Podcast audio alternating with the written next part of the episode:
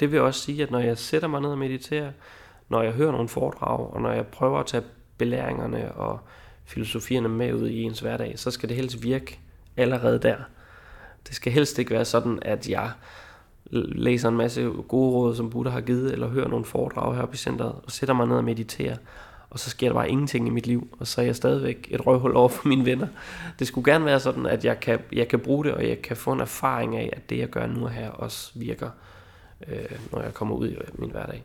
Øhm, så derfor håber jeg selvfølgelig at kunne nå erkendelsen på et tidspunkt, men det skulle gerne være sådan en gradvis øh, udvikling. Du lytter til spejlet. Tusind portrætter. En generation. Jeg hedder Sara Fondo.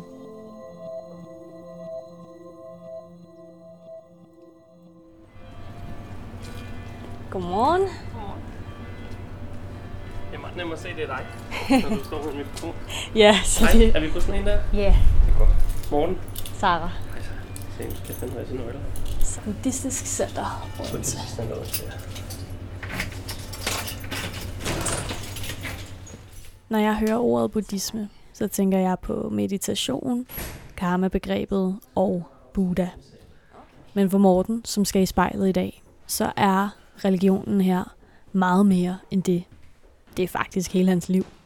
Han blev allerede buddhist som 21-årig, og jeg ved, at det ultimative mål er at opnå erkendelsen, præcis ligesom Buddha gjorde det for 2500 år siden.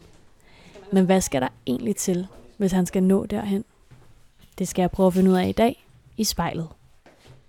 Morten, vi står i jeres meditationsrum Ja i Buddhistisk Center i Odense. Har du ikke lyst til at prøve at forklare mig, hvordan det ser her ud? Jo, altså vi havde meditation i går, så der ligger en masse sådan nogle gule firkantede måtter og meditationsbuder på gulvet. Øh, vi plejer at rydde det op efter, men nu hvor det er corona, så plejer vi at lade dem ligge sådan fra gang til gang. Og så, jamen det er jo sådan en, altså, det er jo sådan en helt almindelig lejlighed på en 150 kvadratmeter, der ligger på anden sal. Vi kan høre naboerne ovenpå, de er faktisk også buddhister, dem der bor deroppe og kommer i centret. Øh, og så har vi det her meditationsrum, som er sådan et stort lyst rum med et, vi har det vi kalder et alter heroppe i den ene ende, som er sådan et, altså et rødt møbel med, med nogle hylder på, hvor der står nogle buddhistiske statuer. Så har vi nogle billeder. Øh, mange af dem er, af dem, der er heroppe ved alderet, er vores lærer. Der er Ole Nydal, som er vores lama, vores sådan tætteste lærer. Og så er der den 16. kammerpar, som var den lærer, som Ole mødte tilbage i, i 60'erne, da han var på bryllupsrejse med sin kone Hanna, og de mødte buddhismen for første gang. Og så er der den 17. kammerpar, som hænger herover, som er, øh, som er vores overhoved for, for Kammerkatje-skolen, som vi er en del af her. Så man kan sige, den 17. kammerpar er ligesom vores skoleinspektør eller rektor, og man kan sige Ole Nydal, altså vores klasselærer, hvis man skulle sammenligne det med, et, med en skole. Ikke? Øhm, og så har vi forskellige andre sådan buddhistiske malerier øh, rundt omkring, eller buddhistiske billeder, man kalder dem tankaer. Øh, og præcis ligesom statuerne, så er de sådan et, nogle forskellige buddhistiske udtryk. Og det kan virke meget eksotisk og sjovt og fremmed, når man ser det, men, men det, er ikke, det er ikke guder eller noget, vi beder til. Det er simpelthen øh, det er udtryk af aspekter af vores eget sind og vores, eget, vores egne kvaliteter. Øh, og så er det bare afbildet på den her måde, kan man sige. Ja. Og jeg har næsten lyst til lige at, at også kigge lidt her på den 16. kammerpar. Ham er jeg ret draget af. Ja. Så altså, vi har det her røde alter med nogle øh, guldfigurer på, og oven på det, så står der altså et kæmpe stort billede med en mand, der ser rimelig badass ud. Han sidder nærmest med en, en form for krone og, sådan, Ja. og holder på den, og har det her sådan, sjal øh, viklet rundt om sig, og holder noget i hånden også. Måske det er sådan nogle... Øh... Ja. Det er sådan en, Ah, ja. altså jeg har den lidt på samme måde her. Det er sådan en, det hedder en mala, Mm. som er sådan en, altså man kan også, det, det, det er sådan et, et apparat eller en, en, et lille værktøj, vi bruger, når vi mediterer. Øh, og ja, han er, han, ser, han er jo sådan meget traditionel buddhistisk. Jeg har jo ikke sådan, det nærmeste jeg kommer, det er min sådan bordeaux bukser her, men ellers så er det jo sådan rimelig øh, vestlig klædt, vi går i. Men, men han er jo, altså på det tidspunkt, da han levede, var han jo munk og buddhistisk munk, og så han har jo sådan hele det, det traditionelle med det også, ikke?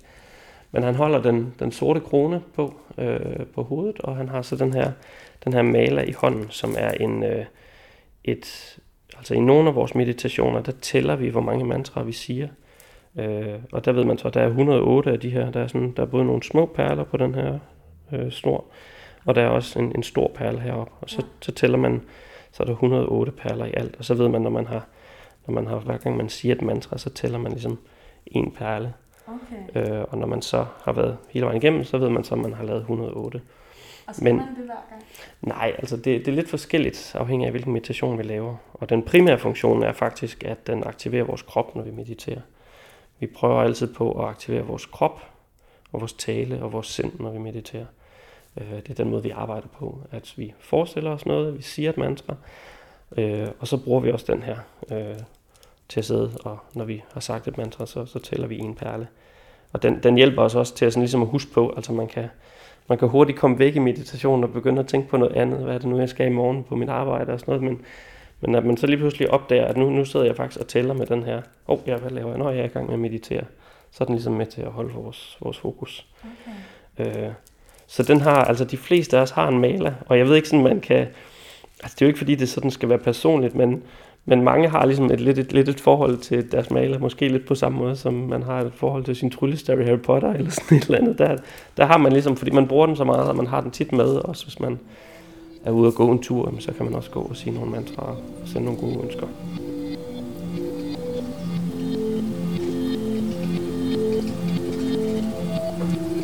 Lige nu sidder jeg i vores buddhistiske meditationscenter, og jeg hedder Morten.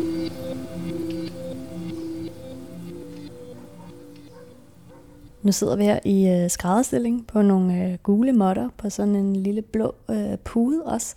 Er det sådan, øh, det er sådan en buddhistisk trick, at man lige har? For man sidder jo ret behageligt, synes jeg. Ja, jamen altså det er den måde, vi tit sidder og mediterer på, øhm, når vi sætter os og mediterer. Man må også gerne, vi har jo både stole og bænke nede bagved, og det må man også gerne. Det vigtigste, når man sidder og mediterer, så sidder man med en ret ryg. Øh, og der er det bare, når man sidder i den her skrædderstilling med en lille pude bag i, så, så kan man sådan rimelig nemt holde den der stilling i et, i et stykke tid. Øh, jeg får også ondt i knæet og ondt i ryggen, og jeg har faktisk dårlig ryg, så jeg skal passe på ikke at sidde for længe sådan også. Så, men det er mest den måde, vi, vi sidder på, når vi, når vi mediterer. Ja, men du må sige til, hvis det bliver for meget. Ja, det skal jeg nok, og man må gerne, man må gerne strække benene og sådan noget, hvis det gør ondt. Og Morten, øh, normalvis så vil jeg jo ellers sådan placere dig foran et spejl, fordi programmet hedder jo spejlet, men, øh, men jeg har faktisk ikke taget noget med, og der er ikke noget spejl lige her. Um, men du sagde, at de her billeder, der hænger rundt omkring, er en form for, for spejlbilleder. Mm. Hvordan skal det helt præcis forstås? Jamen altså, det skal forstås sådan, at altså, buddhismen handler om, at vi... Altså, buddhismen er jo en religion, øhm, og kan man sammenligne det med. Det, det, den adskiller sig fra mange religioner ved, at vi ikke har nogen guder, der er ikke noget sådan uden for os selv, vi beder til, eller går op i, eller sådan, men, men vi, filosofien eller, eller pointen er, at, at vi har alle sammen en Buddha-natur inde i os selv, og vi har alle sammen nogle kvaliteter inde i os selv, som siges at være fantastiske og frydefulde og frygtløse og kærlige. Øhm, og når vi så bruger de her meditationsobjekter, så bruger vi dem som et spejl på at kunne se vores egne kvaliteter. Hvis vi bare satte os ned og kiggede på en hvid væg, så tror jeg, at vi ville space helt ud og havde, havde svært ved at holde fodfæste lige nu og her. Men vi bruger, vi bruger både vores lama Ole, og også de andre lamaer og vores Buddha-aspekter på alderet her som, som spejl for den udvikling, vi selv prøver at komme igennem. Og du har jo faktisk været øh, buddhist i øh, 11 år nu. Du blev det som 21-årig. Hvordan har det formet måden, du ser dig selv på? Åh, oh, det er et godt spørgsmål. Altså, jeg blev ikke buddhist, fordi det var sådan, at der var et eller andet sådan, altså, i mit liv, jeg tænkte, jeg skulle lave om. Jeg synes egentlig, jeg havde hørt om det i gymnasiet, og opsøgte det i mit sabbatår mellem gymnasiet og universitetet. Og synes egentlig bare, det var spændende. Og synes meditation var spændende og kunne noget. Så jeg opsøgte det og blev bare sådan helt opslugt i det, og synes, det var mega fantastisk. Øh, det var øh, det var en masse tanker, som jeg, ikke dem alle sammen selvfølgelig, men, men mange af tingene, som blev præsenteret, var noget, jeg havde, øh, havde tænkt over i forvejen. Altså som på en eller anden måde var en del af mit liv. Og her var der et sted, hvor man sige, kunne dyrke det, eller i hvert fald kunne, kunne nørde det og gå mere op i det og, og undersøge det. Øh, og der var på et tidspunkt en i, i det center i Esbjerg, hvor jeg startede, der sagde, at, at for ham var det og, og møde buddhismen var lidt ligesom om, han havde gået rundt med en flaske hele livet. Og det at møde buddhismen var ligesom bare at få en etikette på, at nå, det er det. Det var det, jeg har gået med, og det er det, jeg har tænkt over hele mit liv. Øh, han var bare ikke klar over, at det hed buddhisme. Og du er jo en del af det, der hedder diamantvejs buddhisme. Hvor fører den her diamantvej derhen?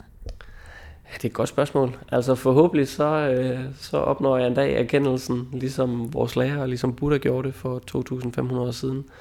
Øh, om det sker i det her liv eller næste liv, det ved jeg ikke. Øhm, og det er egentlig heller ikke så vigtigt, hvor det... Altså selvfølgelig har vi et mål, og selvfølgelig håber jeg, at det fører mig derhen, hvor jeg vil. Men det vigtigste er også, at vejen dertil er sjov og god og spændende.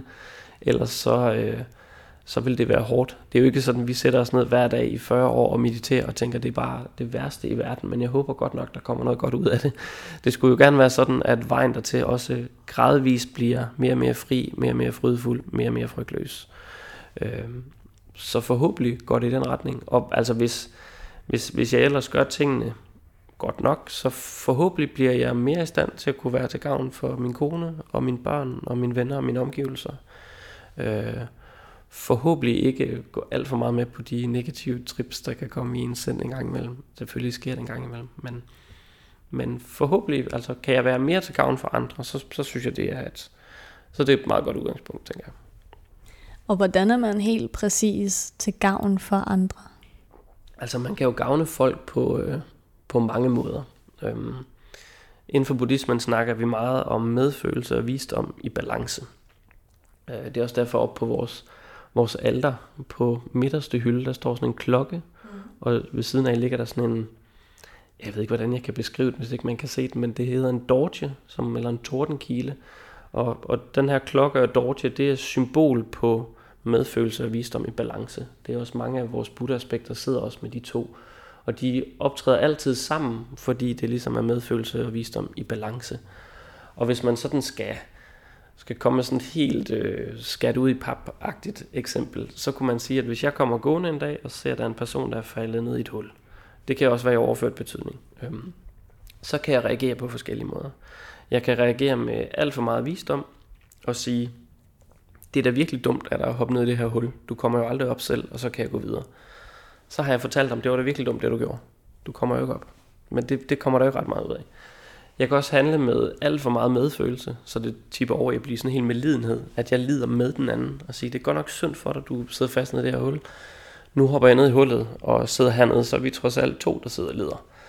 Øhm, men det med at kombinere medfølelse og visdom, og kunne sætte sig ind i og sige, okay, han synes faktisk ikke, det er fedt at være faldet ned i det der hul. Jeg står heroppe, jeg kan finde en stige og hjælpe ham op. Det er ligesom det, man prøver på. Og altså i, i eksemplet med et hul er det jo super simpelt, hvad man skal gøre. I den virkelige verden er det langt fra altid lige så simpelt. Men det siges, at ved at bruge de her metoder, og ved at meditere, og ved at mere, få mere overskud og frihed, få afstand til sine forstyrrende følelser, få afstand til sine forstyrrelser, øh, kan se tingene lidt mere på afstand, at man ikke er helt så personligt engageret eller ramt i tingene, at man, ens ego ikke bliver helt så, helt så ramt af det, gør, at man kan være i stand til at handle med medfølelse og visdom i balance, sådan at man i, i situationen både kan få en, sådan en visdom i at se, jamen, hvad tror jeg vil være det rigtige her, men også være i stand til at sætte sig ind i den anden person og sige, men okay, det kan godt være, at jeg kan sige til dig, det er sådan her, du skal gøre det, men jeg ved, at hvis jeg gør det, så siger du, altså, så bakker du, eller så har du ikke lyst til at tage, tage imod mit gode råd. Jeg er nødt til at kunne servere det på en måde, eller fortælle det på en måde, eller motivere det på en måde, som gør, at du også kan tage, tage det til dig. Jeg hedder Morten, og jeg laver buddhistisk meditation for det meste hver dag, for at kunne gavne mig selv og mine omgivelser Og nu ved jeg jo, at øh, din kone også er buddhist. Hvor vigtigt har det været for dig at altså, finde sammen med en, der var på samme rejse som dig? det har ikke været sådan noget, jeg har sat mig ned og tænkt, jeg skal have en kone, der også er buddhist. Øhm, det, er jo, øh, det er jo fedt, at vi kan dele det sammen. Øhm,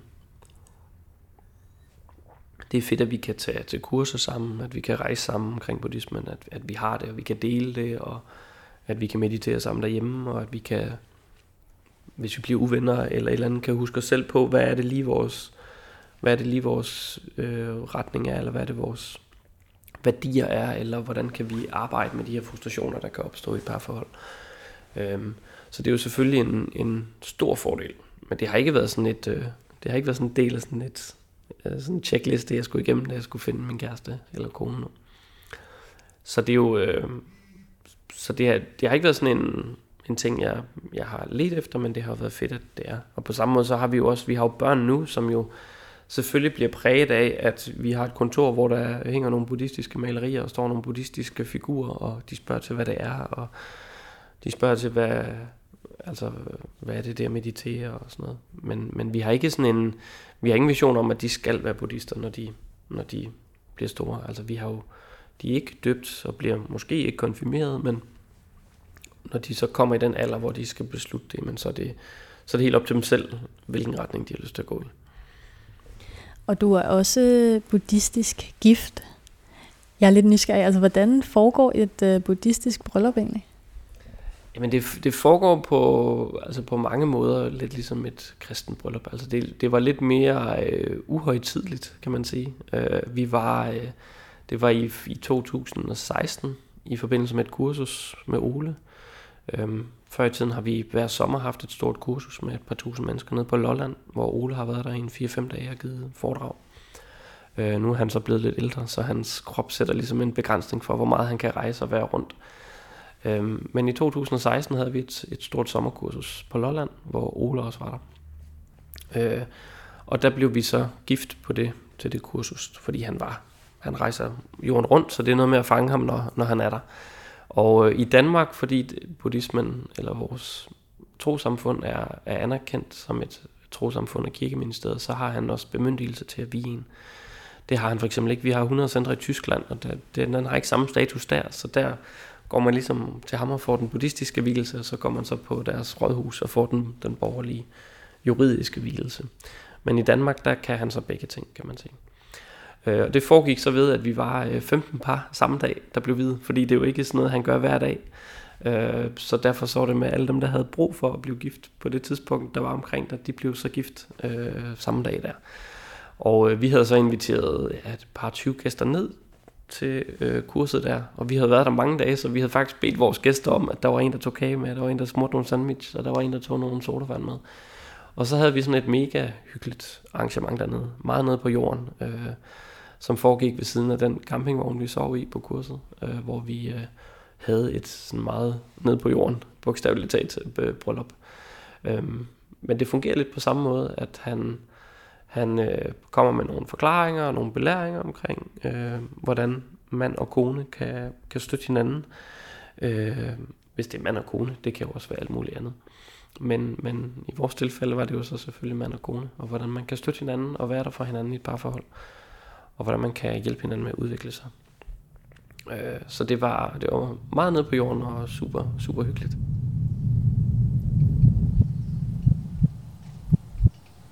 Jeg hedder Morten, og jeg ser mig selv i spejlet.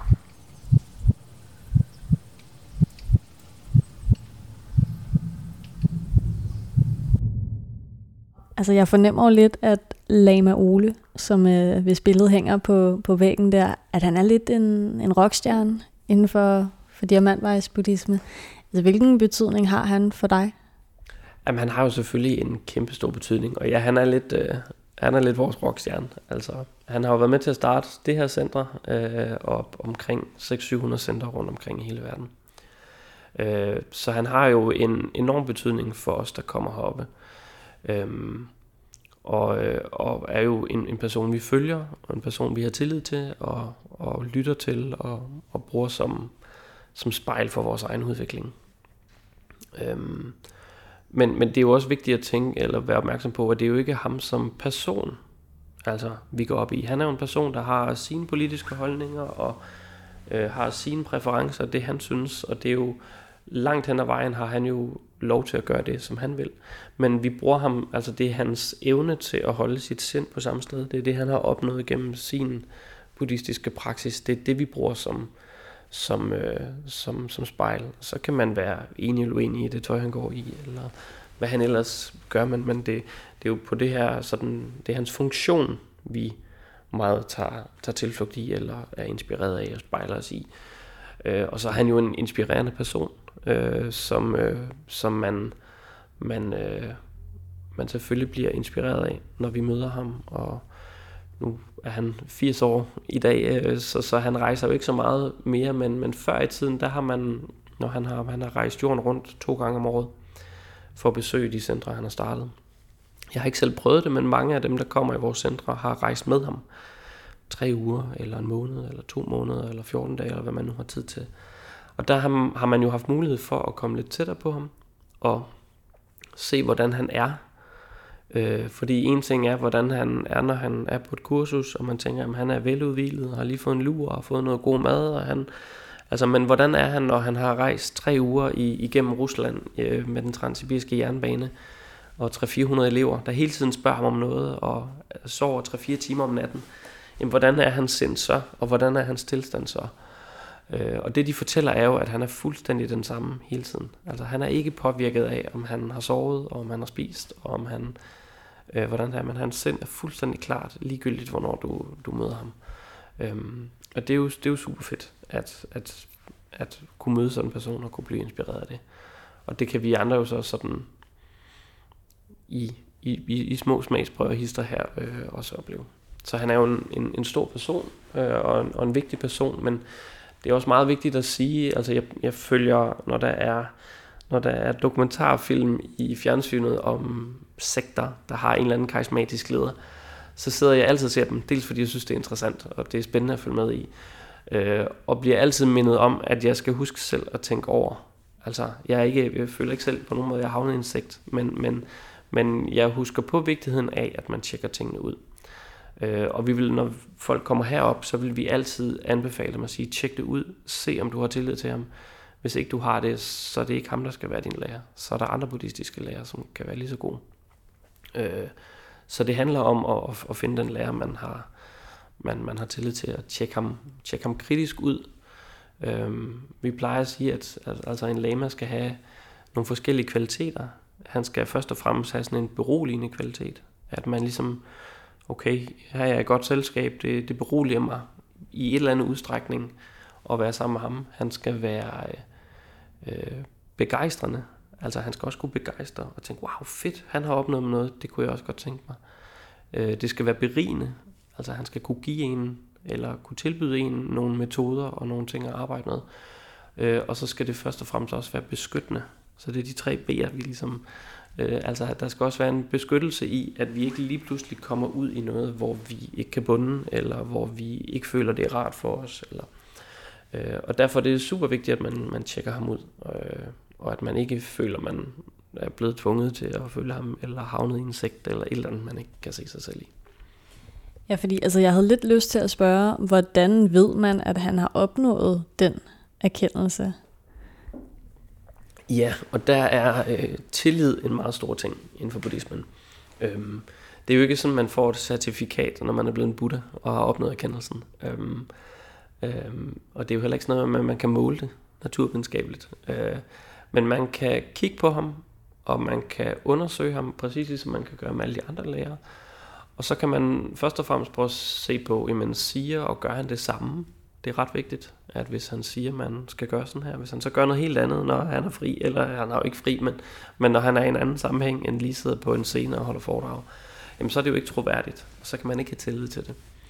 Og så, er det, så, så den her med, at man, man arbejder med tillid i forhold til ham, øh, og det er jo noget nemmere at få tillid til ham, når man kan rejse med ham, når man kan se ham, når man kan møde ham. Og, øh, og det er jo dels af hans alder øh, udfordrende nu, dels af corona er også udfordrende, mange af os har ikke set ham de sidste halvandet, to år måske. Øh, så det er også, øh, altså, vi, vi klarer os jo helt fint alligevel, altså fordi vi jo også, altså en ting han går meget op i, er, at vi skal være selvstændige, vi skal ikke være afhængige af ham, han er der selvfølgelig og er vores lærer, men vi skal, vi skal kunne fungere selvstændigt. Men man skal jo tjekke ham ud og se, om man har tillid til ham. Og det kan tage noget tid. Og det tager noget tid, og det skal tage noget tid før man, man kan ikke bare, det kan man måske godt, men, men det er ikke, en, det er ikke som man, man ser ham første gang, og så tænker man, yes, det skal bare være ham. Det er sådan et tillidsforhold, som man stille og roligt arbejder med. Og i og med, at vi ikke altid kan møde ham, jamen, så kan vi jo, altså, vi har jo en buddhistisk gruppe, hvor nogle af dem, af dem der er i gruppen, har jo fulgt ham, fulgt ham i 30-40 år, og vi kan jo sådan, hvis vi sænker vores ambitionsniveau lidt, kan vi jo prøve at kigge på dem og sige, de har fulgt ham i en 30-40 år. Hvad er det for nogle kvaliteter, de udstråler? Eller hvad er det, hvad, hvordan er deres tilstand? Øh, øh, og så, så kan man prøve at få en fornemmelse af, hvad det er, de her metoder kan, kan bidrage med. Men, men det er vigtigt, at man udvikler tillid til ham, og at det også er autentisk tillid. Det er ikke noget, man sådan kan påtage sig. Det skal være noget, man det skal være noget, man tjekker ud, og det skal komme naturligt i, den, i det tempo, det tager. Så bestræber man sig egentlig i princippet efter at blive lidt mere som Lama Ole? Ja, altså jeg vil jo ikke sige, at vi skal være ligesom ham. Altså fordi han er jo en person af kød og blod, som gør de ting, han synes. Øhm, men vi arbejder på at opnå det samme som ham. Øh, og der vil man jo være, altså så, så det kan man jo gøre på sin egen vej. Så det er hele tiden det her med at sige, at det er hans funktion som lama, vi kigger på. Ikke så meget ham som person, og hvad er det for noget tøj, han går i, eller hvordan er det, han agerer. Det, det altså, kommer man selvfølgelig på en eller anden udstrækning, fordi vi jo mange af os i en vis udstrækning ser op til ham, så selvfølgelig kan man da komme til at spejle sig i også den ydre øh, façon. Men, men det er ikke sådan, at, at vi, vi alle sammen skal være ligesom ham. Altså, vi, vi bruger de samme metoder som ham, og vi bruger ham som et spejl for den udvikling, han har, han har været i. Øh, og han er jo... altså, når man, når man snakker med folk, der kendte ham fra før hans buddhistiske tid, så siger de, at det er helt vildt, hvad der er sket med ham. Han var jo en del af hippie-miljøet i 70'erne og 60'erne sammen med hans kone Hanna, som der hænger billeder af derovre. Og de eksperimenterede rigtig meget med stoffer, ikke fordi de bare skulle space ud og have det fedt, men fordi de, de troede, det havde en bevidsthedsudvidende effekt. Og det havde det måske også i nogle udstrækninger, men jo altid med en slagside, og aldrig noget. Han vil aldrig nogensinde anbefale det i dag, og han tager, altså, han siger ligesom, at det, det, det kan aldrig nogensinde give en en vejlykke at bruge de der stoffer, så det er han jo heldigvis gået væk fra.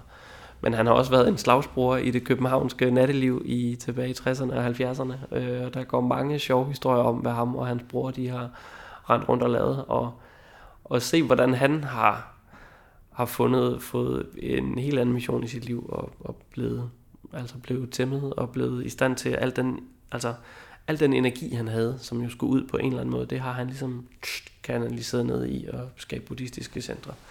Og det er jo i sig selv enormt inspirerende.